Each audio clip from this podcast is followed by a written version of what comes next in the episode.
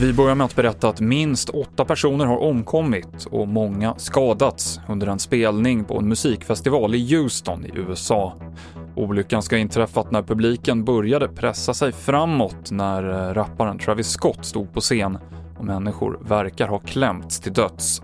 50 000 personer ska ha varit på plats på festivalen. Mer om det här på TV4.se och under morgonen.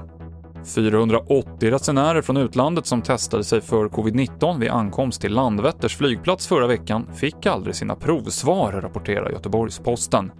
Missen berodde enligt Västra Götalandsregionen på ett IT-problem som nu ska vara åtgärdat, men regionen förklarar inte närmare vad som orsakade det.